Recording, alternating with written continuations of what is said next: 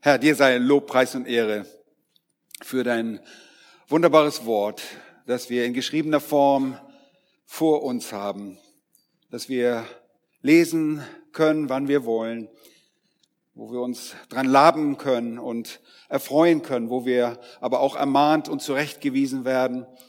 Wir danken dir für deine Fürsorge, die darin auch zum Ausdruck kommt, wenn du uns korrigierst, wenn wir irren.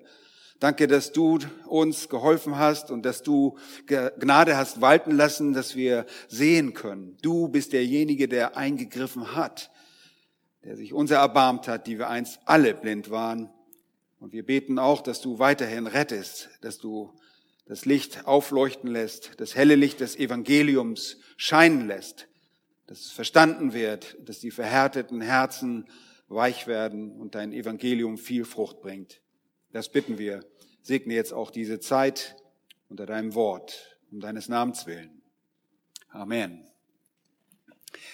Wir haben uns in der vergangenen Woche als Teil 1 bei Jesu Umgang mit den verschiedenen Sehbehinderungen, geistlichen Sehbehinderungen, in dem Fall auch die dauerhafte Blindheit der Pharisäer und Sadduzäer angesehen. Und man kann auch von einer geistlichen Amorose sprechen. Amorose ist ein medizinischer Fachausdruck und bedeutet, dass bei einem Blinden keinerlei Lichtwahrnehmung vorhanden ist. Eine geistliche Amorose ist gleichermaßen die Verfinsterung der Sinne, keine geistliche Wahrnehmung in jeder Art und Weise bei diesen Menschen, die wir betrachtet hatten. Sie waren absolut verfinstert. Und sie waren natürliche Menschen und das heißt, sie waren geistlich tot. Und da sich an ihrem Zustand und dem Zustand des Volkes ebenso nichts ändern sollte, ist ihnen die äußerste Finsternis der Hölle vorbehalten. Sie bleiben in der Finsternis. Und Jesus sagte im Matthäus Evangelium Kapitel 8, Vers 12, er sagte, aber die Kinder des Reiches werden in die äußerste Finsternis hinausgeworfen werden. Dort wird Heulen und Zähneknirschen sein.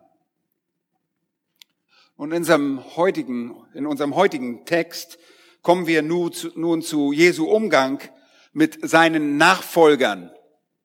Männer, die der Herr Jesus nicht nur zum Heil, sondern auch in seine permanente physische äh, Nachfolge während seines Erdenlebens gerufen hatte. Sie waren einst blind, aber sie sind zu Sehenden geworden. Allerdings, so stellen wir am Ende des Dienstes Jesu in Galiläa fest, nachdem Jesu Jünger viele Monate an seiner Seite gewesen waren und sie ihrem Herrn beim Dienst oder im Dienst über die Schulter gesehen hatten, und selbst in einem Praktikum gewesen sind, stellen wir immer noch eine hochgradige Sehbehinderung fest. Ja, sie konnten sehen, aber sie besitzen ein eingeschränktes Gesichtsfeld. Man könnte meinen, das wäre ein geistliches Skotom. Nur mit einem Skotom bezeichnen Mediziner eine eintretende Sehstörung in einem Bereich des Gesichtsfeldes. Physisch gesehen kann es da zu bestimmten Farbveränderungen ganz spontan kommen und zu Lichtblitzerscheinungen. Oft treten dunkle Flecken im Gesichtsfeld auf oder im schlimmsten Fall sehen die betroffenen Menschen nur noch Konturen, Umrisse ihrer Umgebung. Nun, bei den Jüngern gab es bisher in bestimmten Bereichen überhaupt noch keine 20-20 Sehschärfe, Sicht. Sie war noch nicht vorhanden. Sie waren Lernende, bei denen erhebliche Verständnisschwierigkeiten und Gesichtsfeldeinschränkungen vorhanden waren. Sie hatten die Symptome eines Skotoms auf geistlicher Ebene. Aber lasst mich gleich etwas zu der geistlichen Blindheit vorausnehmen und zu geistlichen Sehstörungen etwas sagen. Geistliche Blindheit hat nichts mit einer einfachen, wertneutralen, objektiven Unwissenheit zu tun. Geistlich blinde Menschen, wie wir es von Natur aus alle sind, beziehungsweise gewesen waren und was, was wir waren, das sind wir nicht mehr, wir sehen jetzt, sind nicht einfach nur geistliche tote Menschen oder blinde Menschen, sind nicht nur einfach unschuldige Menschen, die falsch informiert sind oder unwissend sind. Geistlich blinde Menschen sind nicht nur einfach ahnungslose, ach die Armen, die nichts besser wissen. Sie sind nicht arme, informier uninformierte und unschuldige Menschen. Das sind sie nicht. Nein, sie sind, und wir waren es auch, moralisch verdorbene Menschen. Sie sind Feinde Gottes. Und genau das ist der Mensch von Natur aus. Und das waren diese Pharisäer, von denen wir gesprochen haben, dauerhaft. Sie waren permanente Feinde Gottes. Der Mensch von Natur aus lebt in Feindschaft mit Gott. Und dabei macht, spielt die Physis des Menschen keinen Unterschied. Auch physisch blinde Menschen werden geistlich blind geboren und leben als Feinde Gottes, wenn sie nicht umkehren und Buße tun und der Herr sie rettet. Und auch physisch Blinde können geistlich Sehende werden, wenn der Herr ihnen rettenden Glauben schenkt. Solange du nicht glaubst, und zwar wie die Schrift es sagt, das heißt Gott vertraust und ihn liebst, bist du geistlich blind. Und diese Blindheit lässt dich weiterhin ein Feind Gottes sein, der du von Natur aus schon bist. Sie beschreibt einen Menschen, der den Maßstab Gottes, der den Maßstäben Gottes in Rebellion äh, gegenübersteht. Und der Mensch, um recht zu sehen und überhaupt errettet werden zu können, um mit dem Heil, alleinigen Gott versöhnt zu sein, braucht Gottes Hilfe. Daniel hat es angesprochen. Wir brauchen seine Gnade, nicht nur äh, eine theoretische Gunst, sondern eine, ein Eingreifen Gottes, wo er rettet. Er ist der Retter. Nicht wir entscheiden uns selbst zu retten. Der Mensch braucht göttliche Hilfe. Er braucht das Erbarmen und dieses gnädige Eingreifen Gottes. Nun, die Gnade kommt auch dem natürlichen Menschen, dem geborenen Menschen in einer allgemeinen äh, Form schon zugute. Sie lässt dich leben, sie äh, versorgt dich, sie lässt dich an den Freuden des Lebens Anteil haben. Und diese Gnade wird uns heute, und wenn du als Gläubiger, Ungläubiger heute zuhörst, auch in einer besonderen Art und Weise besonders zuteil. Ihr hört das Wort Gottes verkündigt. Das ist absolut gnädig von Gott, dass wir sein Wort hören können. Dass er uns sein Wort gab und wir es auf sein Geheiß hin, sein Befehl sogar verkündigen dürfen. Das ist absolute Gnade Gottes. Das ist in unseren Tagen nicht, da er in unseren Tagen nicht physisch unter uns ist und weilt, spricht er also nicht durch seinen eigenen Mund akustisch wahrnehmbar, er nimmt uns als seine Boten und wir verkündigen das Wort Gottes. Wir verkündigen euch das Wort Gottes, die Wahrheit, das Evangelium, die gute Nachricht und das in unseren Predigten von dieser Kanzel und durch unser Leben leben wir das, was das Wort Gottes sagt. Nun lass mich sehr persönlich mit dir reden, mit euch reden, auch mit Zuhörern oder Zuschauern, die diese Botschaft an einem Bildschirm hören und sehen. Du selbst hörst das Wort und du liest es und durch dein eigenes Leben der Bibel erfährst du von der Wahrheit in deinem eigenen Leben. Und ich will dich daran erinnern, all diese Wahrnehmungen vom Wort Gottes fordern deine Entscheidung. Und du triffst in jedem Fall eine Entscheidung. Und für viele Menschen ist die Entscheidung bereits gefallen, wenn sie das Wort Gottes weggelegt haben und meinen, dass sie das nicht verstünden. Und da gibt es noch Hoffnung. Ich kann nicht sagen, dass du ein dauerhaft blinder Fall bist. Das könnten wir von niemandem sagen. Das konnte Jesus von den Pharisäern sagen. Aber das können wir von niemandem anders sagen. Weil Gott kann immer noch im letzten Moment retten. Nun, für viele Menschen ist die Entscheidung getroffen. Sie legen das Wort Gottes weg und denken, das geht mir nichts an, ich verstehe das nicht. Sie geben auf und denken, äh, das will ich nicht. Aber das ist nicht, weil sie nicht die Intelligenz dazu haben, das Wort zu lesen, sondern weil sie Gott ablehnen und der Wahrheit nicht ins Auge sehen wollen. Andere lesen weiter und vielleicht bist du einer dieser Weiterlesenden. Gott will deine Entscheidung, Scheidung. Und du musst dich fragen, will ich Gott glauben? Entscheide ich mich dazu, ihm zu glauben oder will ich das nicht? Will ich ihm vertrauen? Oder den ungewissen Theorien vergänglicher Menschen? Und du musst eine dieser beiden Entscheidungen als Zuhörer des Wortes Gottes oder als Leser des Wortes Gottes treffen. Und dazu ruft die Schrift immer wieder auf. Und dazu brauchst du Gottes Hilfe. Und du kannst ihn nur anflehen. Herr, hilf mir dabei, dass ich diesem Wort vertrauen kann und ihm glauben kann. Wenn du es nicht tust, hast du keine Entschuldigung. Du kannst nicht sagen, oh, Gott hat mir nicht geholfen. Gott stößt dich nicht hinaus, wenn du dich an ihn wendest und sagst, Herr, schließe mir dein Wort auf, dann wird er dir sein Wort aufschließen, wenn du es ernst meinst. Nun werde ich Gott glauben oder ihm vertrauen und so leben, wie er es möchte. Ich zu seiner Ehre oder werde ich weiterhin mein eigenes Leben, mein eigener Gott bleiben, geistlich in der Blindheit des Lebens als Narr und im Leben als ein Feind Gottes verharren? Das ist die Frage, die sie stellt. Und es gibt nur diese zwei Wege, und Daniel hat uns das auch schon aus Genesis äh, vorgestellt, es gibt nur zwei Wege, absolut kein Mittelweg. Feind oder Freund Gottes zu sein, entfernt von ihm oder ihm nah zu sein, der Wahrheit glauben oder Gott mit einer Ablehnung zum Lügner machen. Und als Geretteter und als Verdammter, als Geretteter oder als ein Verdammter zu leben. Als solcher, der hier im Leben Gott ehrt oder hier im Leben ihm die Schande bringt. Als solcher, der ewig bei Gott sein wird oder als solcher, der ewig in der Verdammnis und in der Gegenwart Satans und seiner Dämonen leiden wird.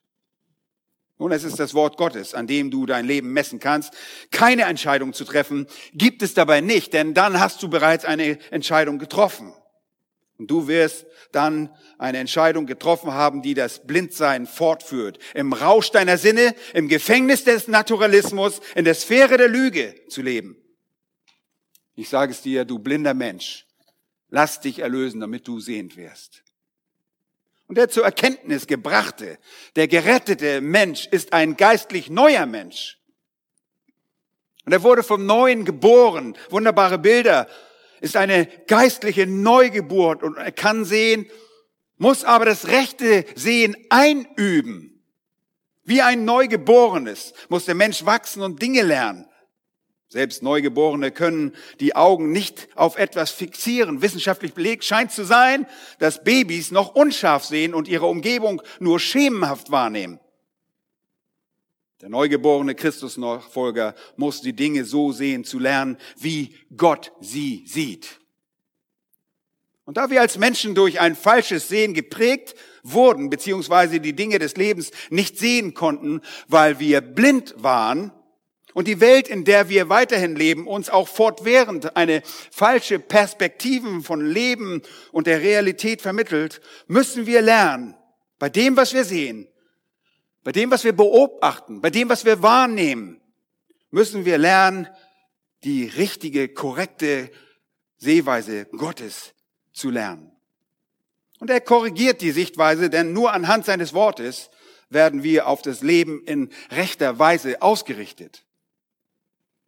Ein wiedergeborener Mensch, ein zum rettenden Glauben gekommener Mensch ist ein Mensch, der geistlich wachsen muss und sehen lernen muss, recht sehen lernen muss. Die Wachstumsnahrung ist dabei das Wort Gottes. Nun, in unserem Text, Markus Kapitel 8, da wollen wir eigentlich hin heute, in Kapitel 8, die Verse 14 bis 21, sehen wir Jesus mit seinen Jüngern bei seiner Überfahrt an das Nordostufer des See Genezareth. Die Jünger sind bei ihm. Jünger Mathetes im Griechischen sind Lernende, Menschen in der Gefolgschaft Jesu, denen der Lehrer, der Meister nach und nach Wahrheiten beibringt und der ihnen verkehrte, verdunkelte Sichtweisen korrigiert, besonders wenn es die Symptome eines geistlichen Skotoms gibt. Er erhält sie und er strahlt sie an. Sie leben jetzt in der Gegenwart des Lichts. Und sie werden erhellt durch Gottes Wort. In welcher Art und Weise? Jesus spricht. Jesus ist Gott.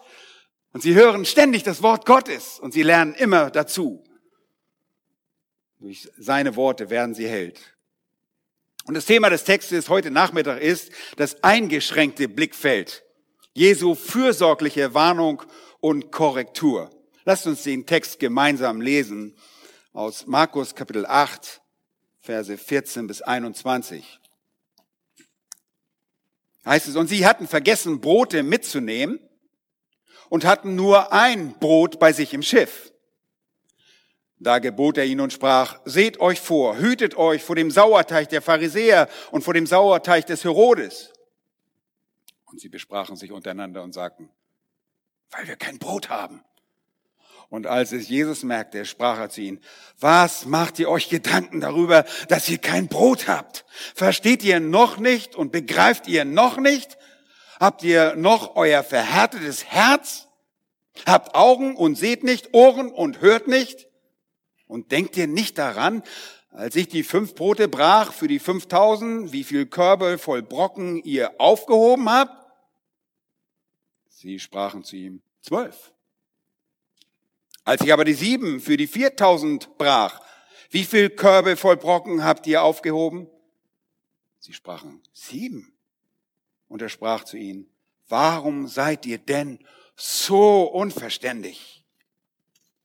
Und das eingeschränkte Blickfeld und Jesu fürsorgliche Warnung und Korrektur. Und wir erinnern uns daran, dass diese Zeit, die der Herr Jesus hier verbringt, eine Zeit in besonderem Sinne für seine Jünger ist, er widmet sich ihnen.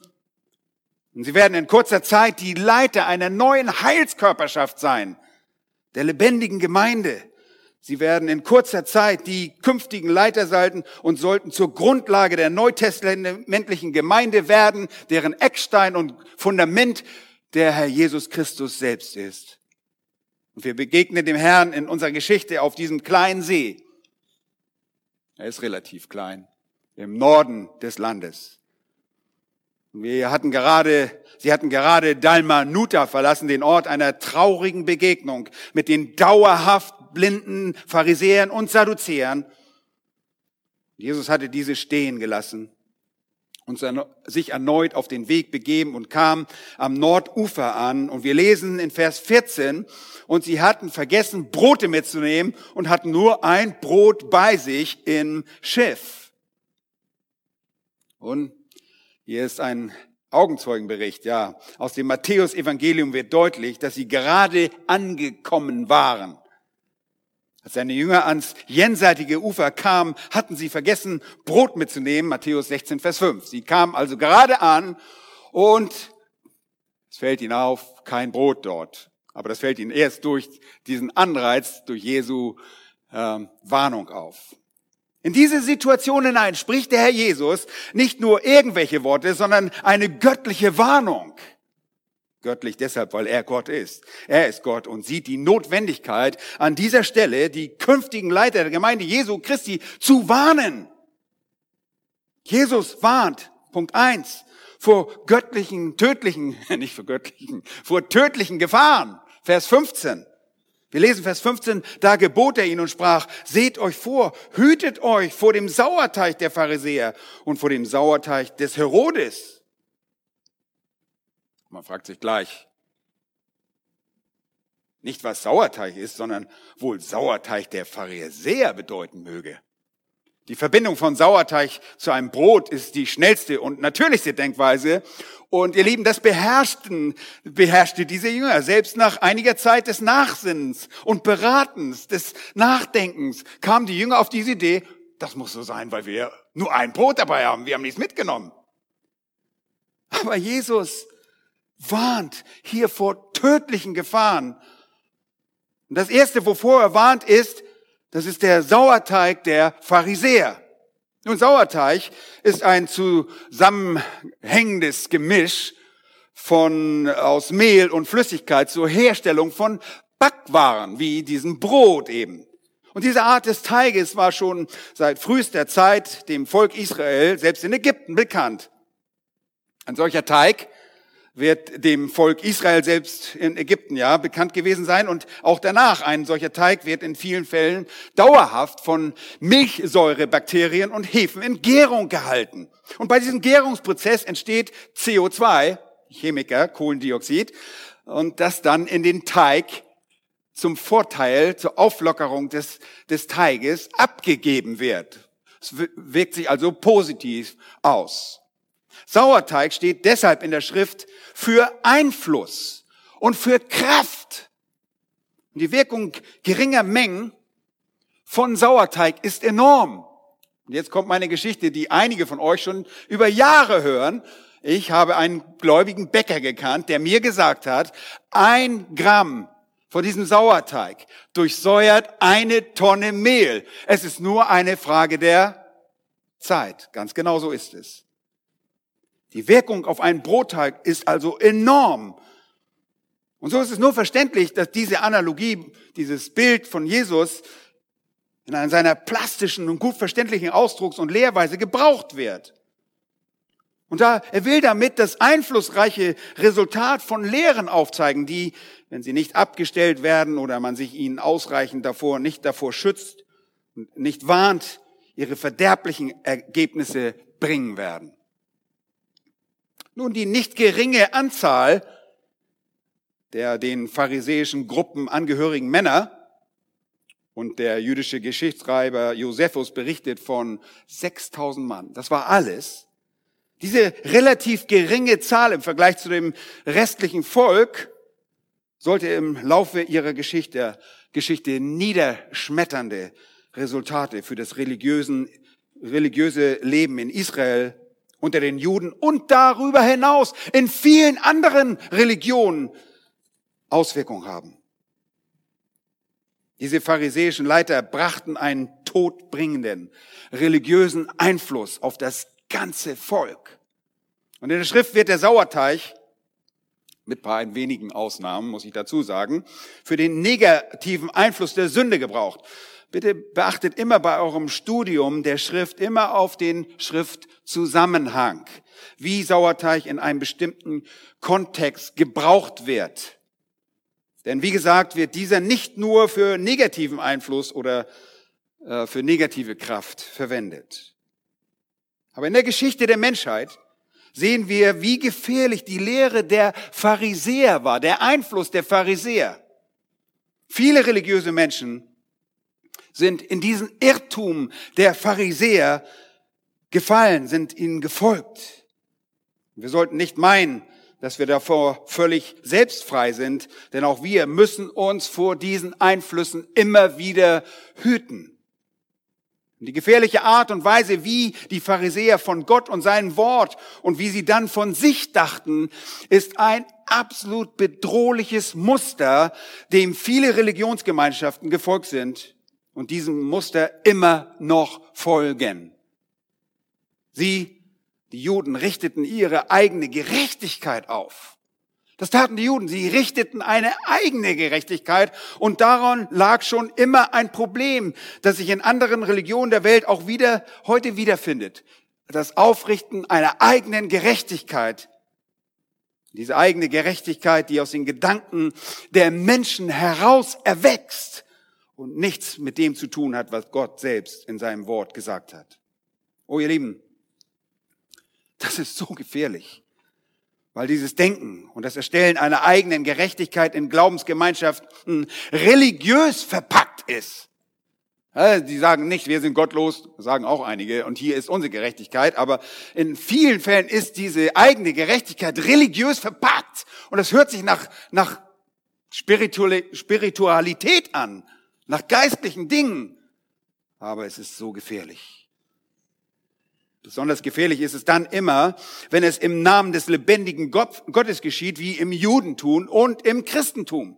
Und leider ist das Judentum und sind die großen Kirchen von dieser Gefahr übermannt worden. Und sie wurde nicht erkannt. Sie sind von dieser betrügerischen Lüge ihres Urhebers, von Satan, eingenommen worden und propagieren diese eigene Gerechtigkeit ständig. Das ist ein Trauerspiel sondergleichen. Nun, für uns sind nicht alle Religionen interessant, obwohl jede religiöse Gruppe ihre eigene Gerechtigkeit gebastelt hat, sondern für uns sind zunächst die Gemeinschaften wichtig, die im Namen des Christentums dieser Gefahr zum Opfer geworden sind. Und ihr Lieben, ich übertreibe nicht, wenn ich sage, dass die fehlgeleiteten Anhänger der katholischen Kirche eine Gefolgschaft von über eine Milliarden Menschen besitzen. Wenn das so viele zählt. Ja, allein die katholische Kirche zählte im Jahre 2009 1,17 Milliarden Mitglieder. Und als Kirche trägt sie ihre Lehre nach dem Muster der Pharisäer vor. Sie folgt genau dem Irrtum der Pharisäer. Sie propagiert einen Glauben ohne Heil, das heißt einen Glauben, der nicht zur Rettung verlorener Seelen führt, weil sie etwas hinzugedichtet haben. Pharisäer, wie ihr wisst, haben hinzugedichtet und sie vertreten von offizieller Stelle aus, von ihrer höchsten Instanz, dem Vatikan und ihrem Papst, einen Glauben, der durch Hinzufügungen der Heiligen Schrift den geistlichen Tod sichert. Sichert in dem Sinn, natürliche Menschen sind bereits tot und dadurch, dass sie eine falsche Lehre, ein falsches Evangelium, das kein Evangelium ist, sichern sie den ewigen geistlichen Tod. Sie sind blind. Menschen bleiben im Tod und können innerhalb der verirrten, ihres verirrten Lehrsystems der katholischen Kirche nicht gerettet werden. Sie können es nicht, wenn sie bei den Lehren der katholischen Kirche bleiben. Ihre Lehre verunehrt die Worte Gottes, das Prinzip der Allgenugsamkeit beim Verstehen von Gottes Willen und dem Weg des Heils gilt sola scriptura, allein die Schrift. Den erkennen sie nicht an. Und die unermesslich große und tödliche Gefahr liegt darin, dass sie eine christliche Sekte sind, die ein falsches Evangelium verbreitet, das kein Evangelium ist. Und sie fügen ihre menschlichen Elemente hinzu, ganz wie die Pharisäer, ganz wie die Schriftgelehrten es taten und ihre menschlichen Traditionen über das Geschriebene erhoben. Erinnert euch daran? Nun, wir mögen die Bibel engstirnig nennen, aber das ist, was sie lehrt. Sie lehrt genau das. Im Galaterbrief hallen die Worte des Apostel Paulus mahnen, mahnen für alle Generationen nach. In Galater 1, 6 bis 10 schreibt er den abtrünnigen Galatern und sagt, mich wundert, dass ihr euch so schnell abwenden lasst von dem, der euch durch die Gnade des Christus berufen hat zu einem anderen Evangelium, während es doch kein anderes gibt. Und da sagt er, nur sind etliche da, die euch verwirren und das Evangelium von Christus verdrehen wollen. Ihr Lieben, das ist ein riesiges Problem. Die Pharisäer haben Dinge verdreht durch ihre eigenen Hinzufügung. Seht ihr, die Leute nach dem Muster der Pharisäer, diese Lehre hatte sofort Fuß gefasst. Und wir reden heute noch von der Gefahr des menschzentrierten, unwirksamen Evangeliums. Und deshalb machen wir diese vierteilige Serie am Mittwochabend über dieses Evangelium, wie es in rechter Weise weitergegeben werden soll. Bitte seid dabei, hört euch das an. Und das, was bei den Leitern Israels zurzeit das Problem war, ist heute noch das Problem in ihren jüdischen Gemeinschaften. Und selbst das Namenschristentum ist davon durchsäuert worden.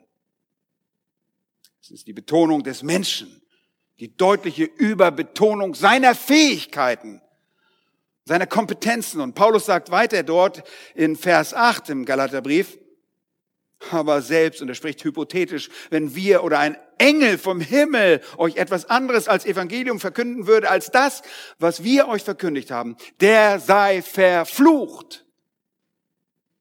Wie wir es zuvor gesagt haben, so sage ich auch jetzt wiederum, wenn jemand euch etwas anderes als Evangelium verkündigt als das, was ihr empfangen habt, der sei verflucht, gleich doppelt. Rede ich denn jetzt Menschen oder Gott zuliebe? Und diese Frage wollen wir schnell beantworten. Zu, zur Liebe unseres Herrn wollen wir reden, oder? Ganz gewiss. Wir reden und lehren Gott zuliebe und deshalb müssen wir diese Warnung Jesu auch weiterhin aussprechen.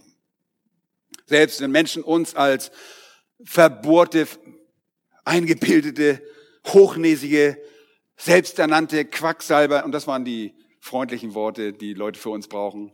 Es gibt auch ganz andere Wörter für uns, für uns. Selbst wenn sie uns so bezeichnen, ihr Lieben, müssen wir warnen. Und die Liste der fehlgeleiteten Anbeter ist noch viel länger als das, was ich euch gezeigt habe, nur auszugsweise. Aber wir stehen in der Pflicht, dem Herrn zuliebe die Wahrheit zu verkündigen. Und ich will auch nichts anderes verkünden. Denn eines Tages werde ich und jeder andere Prediger auch vor dem lebendigen Gott stehen und werden dort Rechenschaft abgeben für das, was wir gesagt haben und gelehrt haben. Und ich habe viel mehr Angst, vor dem lebendigen Gott zu stehen, als dass ich vor irgendeinem Mensch, der nur meinen Leib töten kann, zu stehen. Und deshalb wollen wir das fortsetzen. Wir wollen fortsetzen, das Wort und die Wahrheit, das Licht zu verkündigen. Nun, was ist die Gefahr an dem Sauerteig der Pharisäer? Pharisäer lehren Menschengebote. Einfach, oder? Sie, legen, sie lehren und leben Menschengebote und sind ineffektiv für die Errettung des Menschen.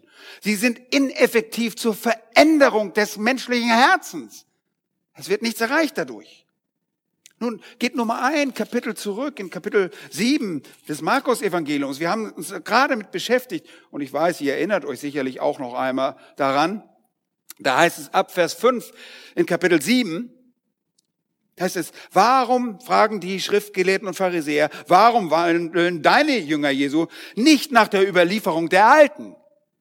Wir haben uns darüber unterhalten, diese Überlieferung, diese Tradition der Alten. Warum tun sie das nicht? Sondern essen das Brot mit ungewaschenen Händen.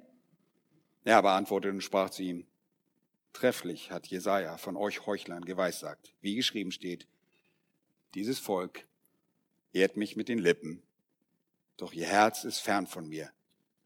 Vergeblich aber verehren sie mich. Warum? Weil sie Lehren von Menschen vortragen. Sie Lehren vortragen, die Menschengebote sind. So steht es dort. Es sind Menschengebote. Und Jesus begründet das in Vers 8. Und er macht ganz deutlich, denn ihr, das sind die Schriftgelehrten und Pharisäer, ihr verlasst das Gebot Gottes und haltet die Überlieferung der Menschen ein. So schnell kann man bei Gott beiseite räumen. Das ist die gefährliche Lehre, der Einfluss der Pharisäer. Mit Waschungen und Krügen und Bechern und viele andere Dinge tut ihr, die diesen Dingen gleich sind. Und er sprach zu ihnen, trefflich verwerft ihr das Gebot Gottes, um eure Überlieferung festzuhalten. Und das ist die tödliche Gefahr dass Menschen dazu tendieren, das Wort Gottes zu ersetzen mit eigenen Geboten und Richtlinien. Und das, was sie lehrten, war religiös verpackt. Das hörte sich geistlich an. Aber davor sollten sich jetzt diese angehenden geistlichen Leiter, die ins Brot gedacht haben, davor sollten sie, äh, davon sollten sie Kenntnis nehmen. Die angehenden Leiter sollten sich davor schützen, sie sollten aufpassen, denn es würde die Runde machen, diese falschen Lehren. Die Pharisäer blieben dabei und beeinflussten das ganze Judentum. Nachfolger im Christentum verließen auf gleiche Weise die Worte Gottes und fügten immer wieder ihre Gedanken hinzu. Und ihr wisst, die Pharisäer haben sogar die Zerstörung Jerusalems in 70 nach Christus überlebt die pharisäischen Gruppen aus der Richtung Hillels, das war der Partner sozusagen oder die Gegenrichtung von Shammai. Es kamen diese äh, Lehrer traten immer in fünf äh, in Paaren auf. Und seit der, seit der Makkabäerzeit gab es fünf Paare, Rabbinerpaare und Schulen. Und sie waren das Shammai und Hillel war das letzte Paar. Und nach der Zerstörung Jerusalems in 72 nach Christus ziehen sich diese Pharisäergruppen aus der Richtung der, des Hillels zurück nach Ravne. Das ist eine Ortschaft, 30 äh, Kilometer von Tel Aviv und fangen dort an, wieder neue Traditionen zu sammeln und äh, Leute zu interviewen, um herauszufinden, was haben wir eigentlich geglaubt? Weil viele schriftliche Sachen und Dinge verloren gegangen waren. Und so sammelten sie wieder neu ihre menschlichen Traditionen zusammen und nahmen Einfluss auf das Judentum. Und aus ihnen heraus entstand das orthodoxe Judentum. Das ist der Ursprung. Okay? Ja. Das Resultat ist tödlich. Die Kraft eines verfälschten Evangeliums täuscht Rettung vor. Ihr Lieben, das ist so schrecklich, darüber nachzudenken, dass Leute in den großen Kirchen sitzen und glauben, gerettet zu sein, wenn sie es nicht sind.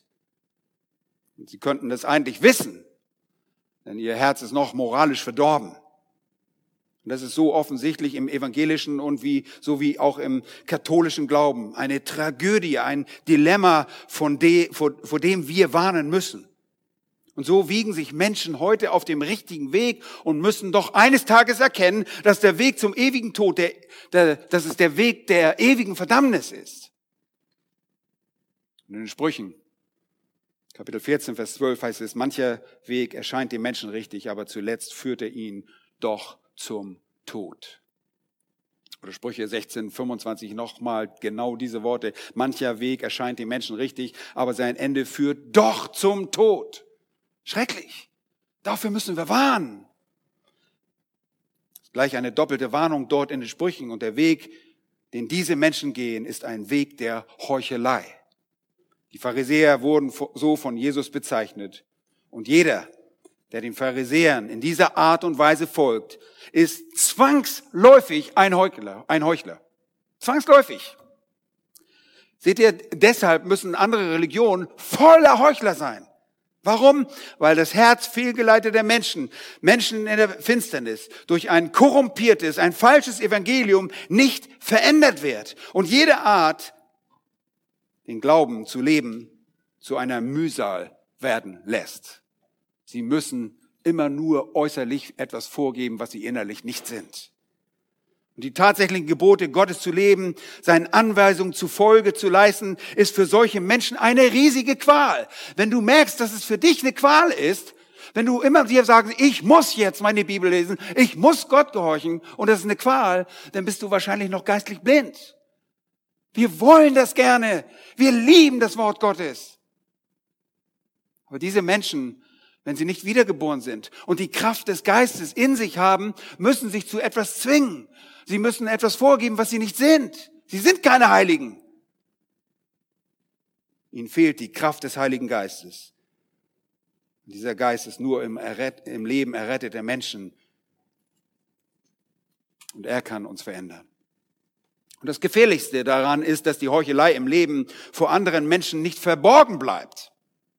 Lieben, Menschen unserer Gesellschaft sehen das Leben dieser religiösen Scharlatane schon lange.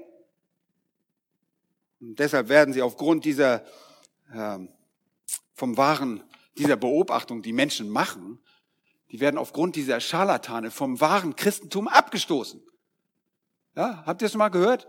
Ja, nee, nee, da, mit, mit eurem Gott, da will ich nicht. Also was da die Kirche sich geleitet. Ja, sie haben Gott in Verruf gebracht. Sie haben Gott gelästert durch ihr Verhalten. Davor muss gewarnt werden. Lieben, das geschieht alles im Namen des Christentums. Und ihr Lieben, das, das sehen die Leute. Dieser, der ganze Hokuspokus der Kirche und ihrer religiösen Menschen stößt ab. Die Gaukelei ihrer, ja, Heuchler wird schon lange belächelt und verursacht die Verlästerung des lebendigen Gottes.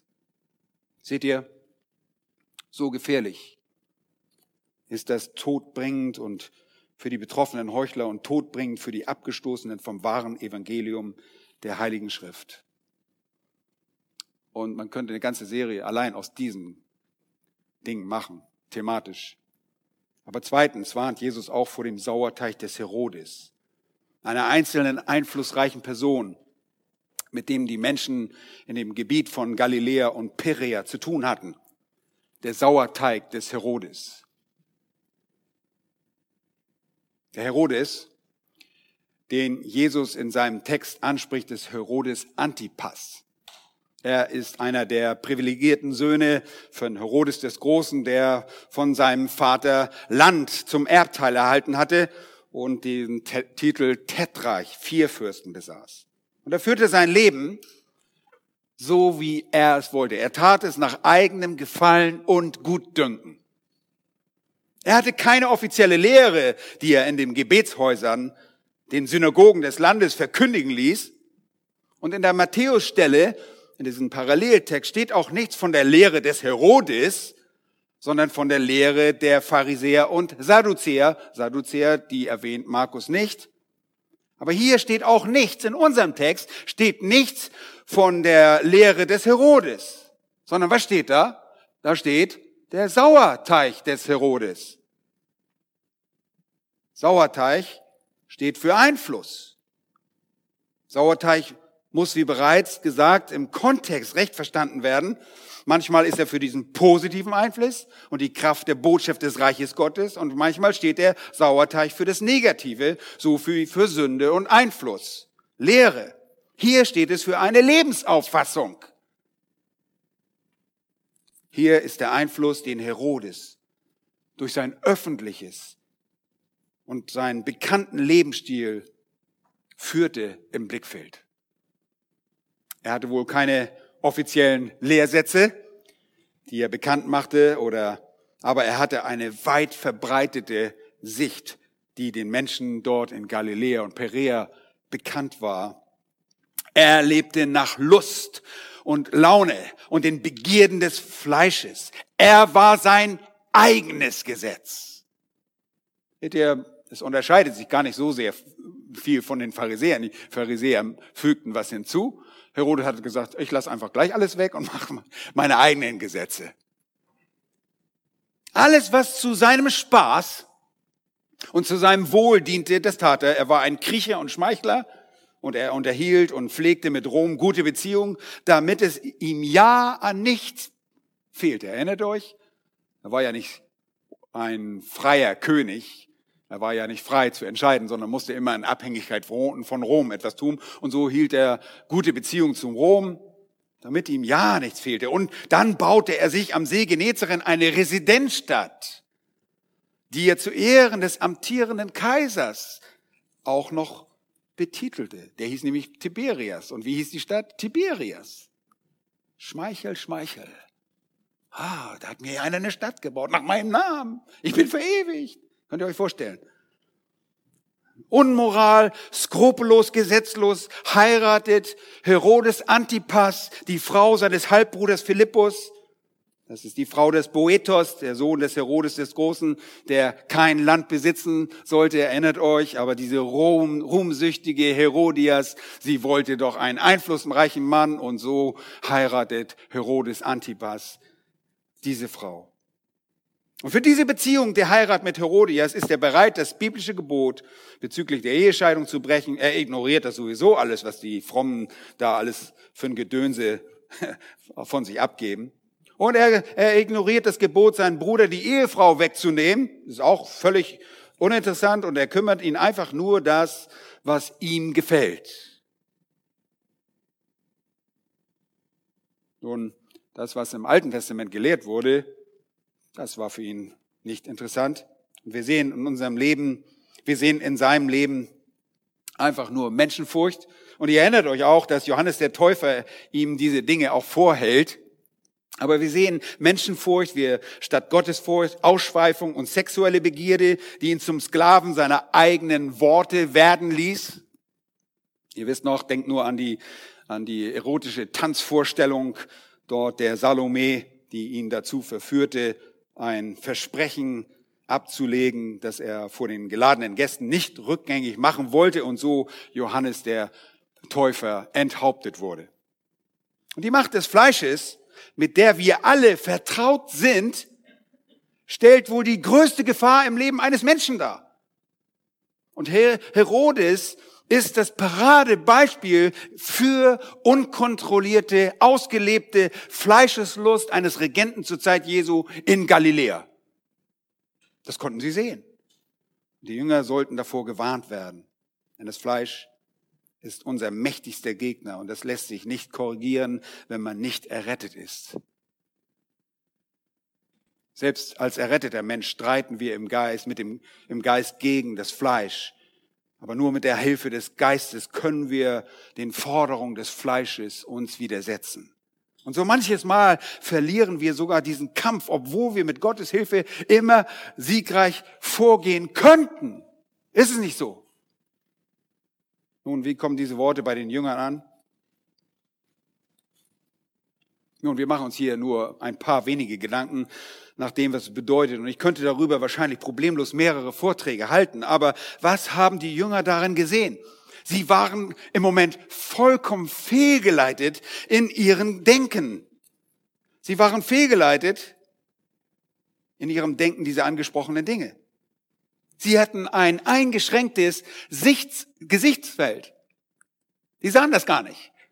Die hörten nur was? Sauerteig. Oh, ich habe Hunger. Ja, die, die haben Hunger.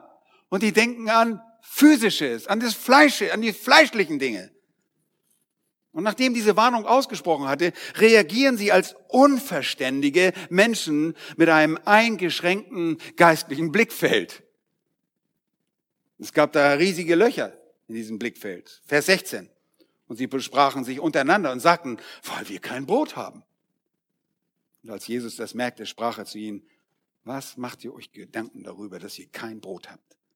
Zweitens, Jesus korrigiert fehlgeleitetes Denken. Jesus korrigiert das. Und das Erste, was er korrigiert, ist, es ist Jesu mahnende Korrektur. Das Erste, das wir da sehen. Jesus gebraucht hier Worte, die die Jünger nicht so schnell vergessen sollten.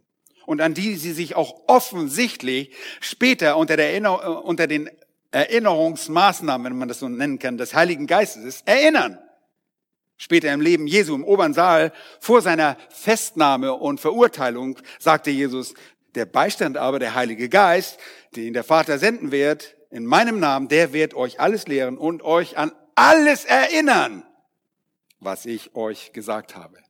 Ganz offensichtlich war das hier der Fall. Jetzt konnte sogar Johannes Markus weitergeben, denn Petrus konnte sich aufgrund der Erfüllung dieser Verheißung Jahre nachdem dieses geschah genau daran erinnern, ohne Irrtum. Und er sagt genau das, was Jesus gesagt hat. An die Worte Jesu. Und hier sind die Worte für uns aufgeschrieben. Vollkommen korrekt. Was macht ihr euch Gedanken darüber, dass ihr kein Brot habt? Meine Güte, ihr denkt nur ans Futtern. Ich kenne auch jemanden, der nur ans Essen denkt, aber ich will keinen Namen heute nennen. Also, versteht ihr noch nicht und begreift ihr noch nicht? Habt ihr noch euer verhärtetes Herz? Seht ihr? Dieses verhärtete Herz war die Ursache dafür. Habt Augen und seht nicht, Ohren und hört nicht. Vers 21, und er sprach zu ihnen, warum seid ihr denn so unverständig? Lieben, das waren erneut deutliche Worte, die sie mahnt, auf eine genaue Beobachtung, ein genaueres Hinhören hinweisen sollten. Ein genaues Sehen war erforderlich. Und mehr als das, ein genaues Hören war von größter Bedeutung. Die Worte aus Kapitel 4, Markus 4, Vers 9 und Vers 23 und Kapitel 7, Vers 16, wo es heißt, wer Ohren hat zu hören, der höre, hatten, halten jetzt immer noch nach und sollten durch diese mahnende Korrektur auch wieder lauter werden. Hört gut zu! Das müssen wir uns auch sagen. Wie elendig sind wir doch, dass wir so oft nicht hinhören können oder nicht hinhören wollen. Wie elendig habe ich selbst mein Gott schon entehrt, nur weil ich seine Warnung nicht gehört habe, nicht ernst genommen habe, nicht hören wollte. Warum ist das so? Nun, das nicht hören wollen geschieht dann, wenn mir meine eigene Agenda, mir mein Fleisch etwas anderes, schmackhafteres, irgendwas schmackhafter macht als das, was wirklich geistliche Nahrung ist und das, der Gehorsam Jesu Christi. Wir müssen Acht geben auf diese Worte. Aber für die Jünger solche Worte, solche ja, harten Worte, ja, das war nötig. Und das traf sie bestimmt an einem empfindlichen Nerv, so wie sie auch mich treffen, wenn ich das lese weil ich schon manches Mal nicht richtig auf die Warnung meines Gottes geachtet habe, wenn ich der Sünde nachgegangen bin. Ich kann nur sagen, danke Herr für die Vergebung. Danke für Vergebung und danke, dass du deine Warnung weiterhin äh, verhallen lässt oder uns hören lässt. Wir wollen diese Warnung ernst nehmen. Aber waren das nicht auch Worte, die er für die Blinden und Außenstehenden verwendet hatte? Komisch. Wie war das noch einmal mit dem Geheimnis unserer Erkenntnis? Kapitel 4, 11 und 12 sagte er doch, euch ist gegeben, das Geheimnis des Reiches Gottes zu erkennen, denen aber, die draußen sind, wird alles in Gleichnissen zuteil, damit sie mit sehenden Augen sehen und doch nicht erkennen und mit hörenden Ohren hören und doch nicht verstehen, damit sie nicht etwa umkehren und ihnen die Sünde vergeben werden. Autsch. Ihr Lieben, wir können also denen, die draußen sind, die nicht Bürger des Reiches sein werden, wir können ihnen im Wandel gleichen. Das ist eine Tragödie. Wir können das. Wir können uns wie Heiden verhalten. Deshalb, ihr Jünger, hört! Der Jesus gebraucht mahnende Worte und fordert damit die Jünger heraus, besser zu hören, zuzuhören, genauer zu beachten, die Erlebnisse und Geschehnisse auf ihren Reisen, alles, was sie mit Jesus erfuhren und sahen, nicht leichtfertig zu betrachten und zu vergessen. Er mahnte nicht auf das irdisch-fleischliche zu achten, sondern auf geistliche Warnung und Dinge. Und sie beschäftigen sich mit dem Essen. Die denken ans Futter. Die denken, ja, wir haben noch ein Brot im, im Schiff liegen. Und Jesus redet von tödlichen Gefahren. Das ist ganz anderes. Geschwister, lasst uns die Warnung für uns persönlich nehmen und nicht nur als Worte an die Jünger der damaligen Zeit erkennen. Wir müssen auf der Hut sein, wenn Jesus spricht. Und es waren Warnungen vor den tödlichen Gefahren und Angriffen, die, die List, die durch die List Satans durch Glaubenssysteme an uns herangetragen werden. Und es waren Warnungen vor der Nachahmung der fleischlichen Gesinnung des Herodes. Dieses Verhalten ist das von Menschen, die nicht begreifen, von Unverständigen, von Menschen mit harten Herzen. Zu meiner Schande kann ich sagen, dass ich mich manchmal verhalte wie diese unerretteten blinden Menschen und ich sehe, ja, aber es gibt geistliche Skotome in unserem Leben, wo wir auf einmal eine Einschränkung des Sichtfeldes haben. Dunkle Flecken meiner Sünde, die mich nicht glauben lassen und bei denen das Fleisch gegen den Geist streitet. Herr, vergib meinem Kleinglauben und das ist, wie Jesus seine Jünger Matthäus 16, 8 in der Parallelstelle anspricht. Ihr Kleingläubigen. Was macht ihr euch Gedanken darüber, dass ihr kein Brot mitgenommen habt?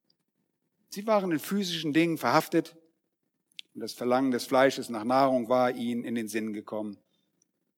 Und das, obwohl Jesus doppelt und mehrfach bewiesen hat, dass diese Dinge überhaupt keine Minute der Sorge verdient haben. Und deshalb kommt auch nebst der ermahnenden Korrektur zweitens die erinnernde Korrektur. Jesu erinnernde Korrektur. Und er tut das mit einer Frage. Jesus erinnert mit einer Frage, die aus ihrem falschen Denken, äh, mit der er sie aus ihrem falschen Denken zurückholt. Und sie waren fixiert auf das eine Brot das sie mitgenommen hatten. Und ich kann das verstehen. Sie waren da schnell wieder weg aus Dalmanuta und die, mit der Begegnung der Pharisäer und sie hatten nicht, einfach nichts mitgenommen. Gedankenlos, blub, blub, blub, waren sie und, und sie dachten wahrscheinlich beim Fallen des Wortes Sauerteig gleich an dieses Essen. Vielleicht auch deshalb, weil sie wirklich knurrende Mägen hatten. Und in der Eile hatten sie das Brot vergessen. Aber woran erinnert Jesus korrigierend? An Dinge, die vor wenigen Tagen und einigen Monaten sich zugetragen hatten. Schaut mal hin, Vers 18b. Und denkt ihr nicht daran, als ich die fünf Brote brach für die 5000, wie viel Körbe voll Brocken ihr aufgehoben habt? Sie sprachen, was sprachen sie? Zwölf. Ja, wenigstens einer sprach zwölf. Sie sprachen zwölf. Die antworteten wie im Chor. Jeder hat wahrscheinlich von ihnen einen Korb weggetragen. Das haben sie nicht vergessen. Sie wussten genau, was Sache war. Sie hatten zwölf Körbe. Vers 20. Als ich aber die sieben für die 4000 brach, wie viel Körbe voll Brocken habt ihr aufgehoben? Sie sprachen. Seid ihr nicht sicher? Sieben waren das, ganz genau sieben. Beim ersten Mal zwölf, beim zweiten Mal sieben. Ganz genau. Sie haben das nicht vergessen. Die haben das nicht vergessen, die wussten genau, was Jesus tat. Und jetzt machen sie sich Sorgen darüber, dass sie nur ein Brot dabei hatten? Das macht keinen Sinn. Er erinnert sie.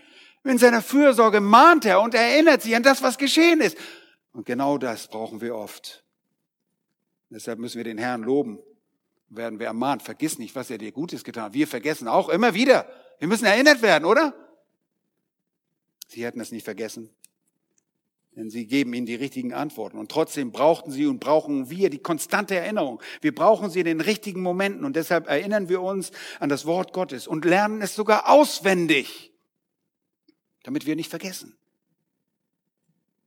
Die Worte des lebendigen Gottes setzen uns zurück auf den richtigen Pfad unserer Gedanken, der ein Pfad des Gehorsams wird, wenn wir richtig denken. Wir haben Vertrauen in unseren Gott. Ihr Lieben, so gütig ist er. Er sieht, hier sind die künftigen Leiter. In weniger als einem Jahr ist Jesus im Himmel beim Vater zurückgekehrt und sie sind in Verantwortung. Sie müssen wissen, es gibt tödliche Gefahren, die durch den Einfluss der Pharisäer und Sadduzäer, übrigens die Sadduzäer, haben von Wort Gottes weggenommen. Die Pharisäer haben hinzugefügt, die Sadduzäer, die in Matthäus Evangelium erwähnt werden, sie haben weggenommen. Sie kürzten das Wort Gottes. Sie hielten sich an der Toran im Fünfbuch Moses auf und sagten, alles andere ist unwichtig. Das waren die diesseits orientierten, die Epikureer, die Genussmenschen. So haben sie ja, spöttisch die Rabbiner sie genannt, Epikureer. Das waren die, die nur für das Jetzt und für ihr Vergnügen lebten. Und so waren sie. Aber hier Warnung vor diesem tödlichen Einfluss dieser beiden Gruppierungen und dann das freundliche, fürsorgliche, ermahnende.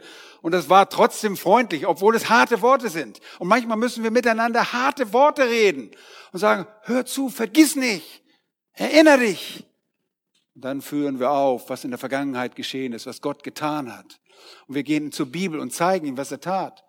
Das wird in der Bibel sehr häufig getan. Vergiss nicht, was da geschehen ist. Seid nicht so wie das Volk Israel, das in der Wüste gemurrt hat. Tut das nicht. Und so geht Jesus mit ihnen vor. Ihr Blickfeld wird erweitert, wird ihre, ihre Unklarheit wird schärfer.